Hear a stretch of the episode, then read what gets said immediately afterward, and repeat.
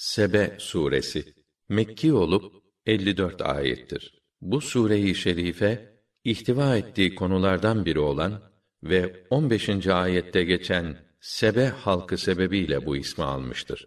Rahman ve Rahim olan Allah'ın adıyla. Bütün hamdler, güzel övgüler, gerçek ilah olan Allah'a mahsustur ki, göklerde ve yerde olan her şey O'nundur. Ahirette de hamdler O'na mahsustur. O hakimdir, habirdir. Tam hüküm ve hikmet sahibidir. Her şeyden hakkıyla haberdardır. Yere giren ve oradan çıkan, gökten inen ve oraya yükselen ne varsa o hepsini bilir. O rahimdir, gafurdur. Merhamet ve ihsanı boldur. Çok affedicidir. Kâfirler başımıza gelecek kıyamet, dirilme ve duruşma diye bir şey yok diye iddia ettiler. De ki, hayır, Rabbim hakkı için o gelecektir. O gaybları bilen öyle bir zattır ki onun ilminden göklerde ve yerde zerre miktarı bir şey bile kaçamaz. Zerreden daha küçük ve daha büyük hiçbir şey yoktur ki her şeyi açıklayan kitapta levh-i mahfuzda bulunmasın. Böylece Allah iman edip güzel ve makbul işler yapanları ödüllendirir. İşte onlara bir mağfiret ve çok değerli bir nasip vardır. Ayetlerimize karşı koymak için çalışanlara, hükmümüzden kurtulacaklarını sananlara iğrenç ve gayet acı bir azap vardır. Kendilerine ilim nasip edilenler sana indirilen kitabın Rabbin tarafından gelen gerçeğin ta kendisi olduğunu ve o mutlak kudret sahibi bütün güzel övgülere layık olan Allah'ın yolunu gösterdiğini bilirler. Böyleyken kâfirler kendi aralarında şöyle dediler: Siz ölüp de tamamen parçalandıktan ve çürüdükten sonra size yeniden yaratılacağınızı söyleyerek peygamberlik iddia eden bir adam gösterelim mi?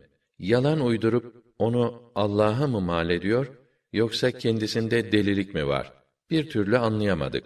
Hayır, öyle değil. Ahirete inanmayanlar azapta ve derin bir sapıklık içindedirler. Onlar gökte ve yerde önlerinde ne var, arkalarında ne var bakmadılar mı? Eğer dilersek onları yerin dibine geçiririz yahut üzerlerine gökten parçalar düşürürüz. Elbette bunda Rabbine yönelen her kul için ibret vardır. Biz Davud'a tarafımızdan bir imtiyaz verdik. Ey dağlar, ey kuşlar, onunla beraber tesbih edin.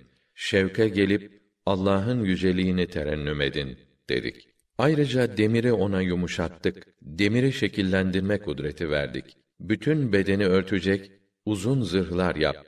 Onları dokumada intizama dikkat et ve siz de ey Davud ailesi hepiniz faydalı ve makbul işler yapınız. Çünkü ben yaptıklarınızı görüyorum buyurduk. Süleyman'ın emrine de rüzgarı verdik. Onun sabah gidişi bir aylık mesafe, akşam dönüşü de bir aylık mesafeydi. Onun istifadesi için erimiş bakırı kaynağından sel gibi akıttık. Rabbinin izniyle cinlerden bir kısmı onun önünde çalışırlardı. Onlardan kim emrimizden saparsa ona ateş azabı tattırırdık. O cinler ona kaleler, heykeller, havuz büyüklüğünde çanak ve leğenler, sabit kazanlar gibi istediği şeyleri yaparlardı. Ey Davud hanedanı, şükür gayreti içinde olun. Kullarımdan gereği gibi şükredenler çok azdır. Süleyman'ın ölüm fermanını çıkarmamızdan sonra cinler ve çevresindekiler onun öldüğünü ancak dayandığı asasını bir ağaç kurdunun yemesi sonucunda kendisinin yere yıkılmasından sonra anlayabildiler. O yere düşünce cinler kesin olarak anladılar ki şayet gaybı bilmiş olsalardı kendilerini zelil ve perişan eden angarya işlerde devam edip gitmezlerdi. Gerçekten Sebe halkına oturdukları diyarda bir ibret dersi vardı. Onların meskenleri sağdan soldan iki bahçe ile çevriliydi. Peygamberleri kendilerine dedi ki: Allah'ın nimetlerinden yiyiniz, içiniz, ona şükrediniz. Ne hoş bir diyar, ne iyi, ne müsamahalı ve bağışlayıcı bir Rab. Fakat onlar bu davete sırtlarını döndüler. Biz de onların üzerlerine kükremiş, hırçın mı hırçın, bentleri yıkan bir sel gönderdik. O güzelim bahçelerini içinde sadece buruk yemişli, ılgınlık, biraz da dikeni çok, meyvesi az ağaçlardan ibaret bozulmuş bahçelere çevirdik. Biz inkar ve nankörlükleri sebebiyle onları böylece cezalandırdık.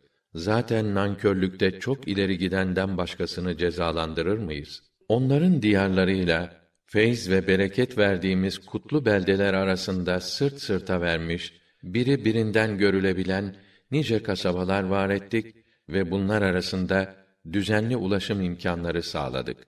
Oralarda geceler ve gündüzler boyunca güven içinde gezin dolaşın dedik. Fakat onlar ya Rabbena seferlerimizin arasını uzaklaştır diye dua ettiler ve böylece kendilerine yazık ettiler. Biz de onları dillere destan olan hayret ve ibretle bahsedilen masal haline getirdik. Başka yerlere göç etmeleri suretiyle darmadağın ettik. Bunda elbette çok sabırlı, çok şükürlü olan kimselerin alacakları hayli ibretler vardır. Hakikaten iblis onlar hakkındaki zan ve temennisini gerçekleştirdi. Muradına erdi. Müminlerden bir kısmı hariç onun peşine düştüler. Aslında şeytanın onlar üzerinde bir sultası, zorlayıcı gücü yoktu. Ancak ahirete iman edeni o konuda şüphe eden kimselerden ayırt edip ortaya çıkaralım diye ona bu fırsatı verdik. Rabbin her şeyi hakkıyla gözetlemektedir. De ki, Allah'tan başka tanrılığını iddia ettiğiniz şeylere istediğiniz kadar yalvarıp durun bakalım. Ele ne geçireceksiniz? Onların ne göklerde ne yerde size verecekleri zerre kadar bir fayda yoktur. Onların oralarda en ufak bir ortaklıkları yoktur. Allah'ın onlardan bir yardımcısı da yoktur. Allah'ın huzurunda onun izin verdiğinden başkasının şefaatleri fayda vermez. Nihayet o kıyamet saati dehşetinden duydukları korku gelince o dirilenler birbirlerine Rabbimiz neye hükmetti diye sorarlar. Ötekiler hak ve adalet neyi gerektiriyorsa o hükmü verdi derler. O yüceler yücesi, büyükler büyüğüdür. Söyle onlara, göklerden, yerden sizi rızıklandıran kimdir? Allah'tır de. O halde ya biz veya siz ikimizden biri doğru yol üzerinde veya besbelli bir sapıklıktayız. De ki, siz bizim suçlarımızdan sorguya çekilecek değilsiniz. Biz de sizin yaptıklarınızdan sorgulanacak değiliz. De ki, Rabbimiz kıyamet günü hepimizi bir araya toplayacak, sonra da aramızdaki hükmü verecektir. O tam adaletle hükmeden ve her şeyi bilen bir hakimdir. De ki, ona ortak saydıklarınızı bana gösterin bakayım. Hayır, öyle şey yok. Doğrusu şu ki Allah aziz ve hakimdir. Mutlak galip olup tam hüküm ve hikmet sahibidir. Ey Resulüm, biz seni bütün insanlığa rahmetimizin müjdecisi, azabımızın uyarıcısı olarak gönderdik.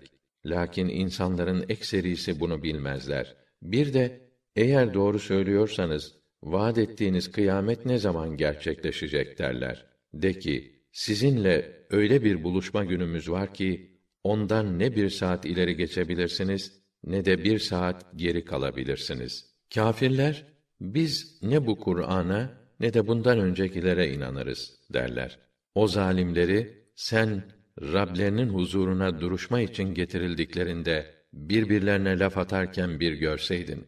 Zebun edilen, dünyada güçsüz bırakılanlar o kibirli olan önderlerine ah sizin yüzünüzden bu hallere düştük. Siz olmasaydınız biz de iman edecektik diyecekler. Öte yandan dünyadayken kibirlenenler o zebun edilenlere, ezilenlere size hidayet geldikten sonra biz mi sizi ondan uzaklaştırdık? Bilakis siz zaten suçlu kimselerdiniz. Ezilenler de kibirlilere hayır işiniz gücünüz gece gündüz dolap. Siz daima Allah'a nankörlük etmemizi, ona bir takım şerikler uydurmamızı bizden isterdiniz derler.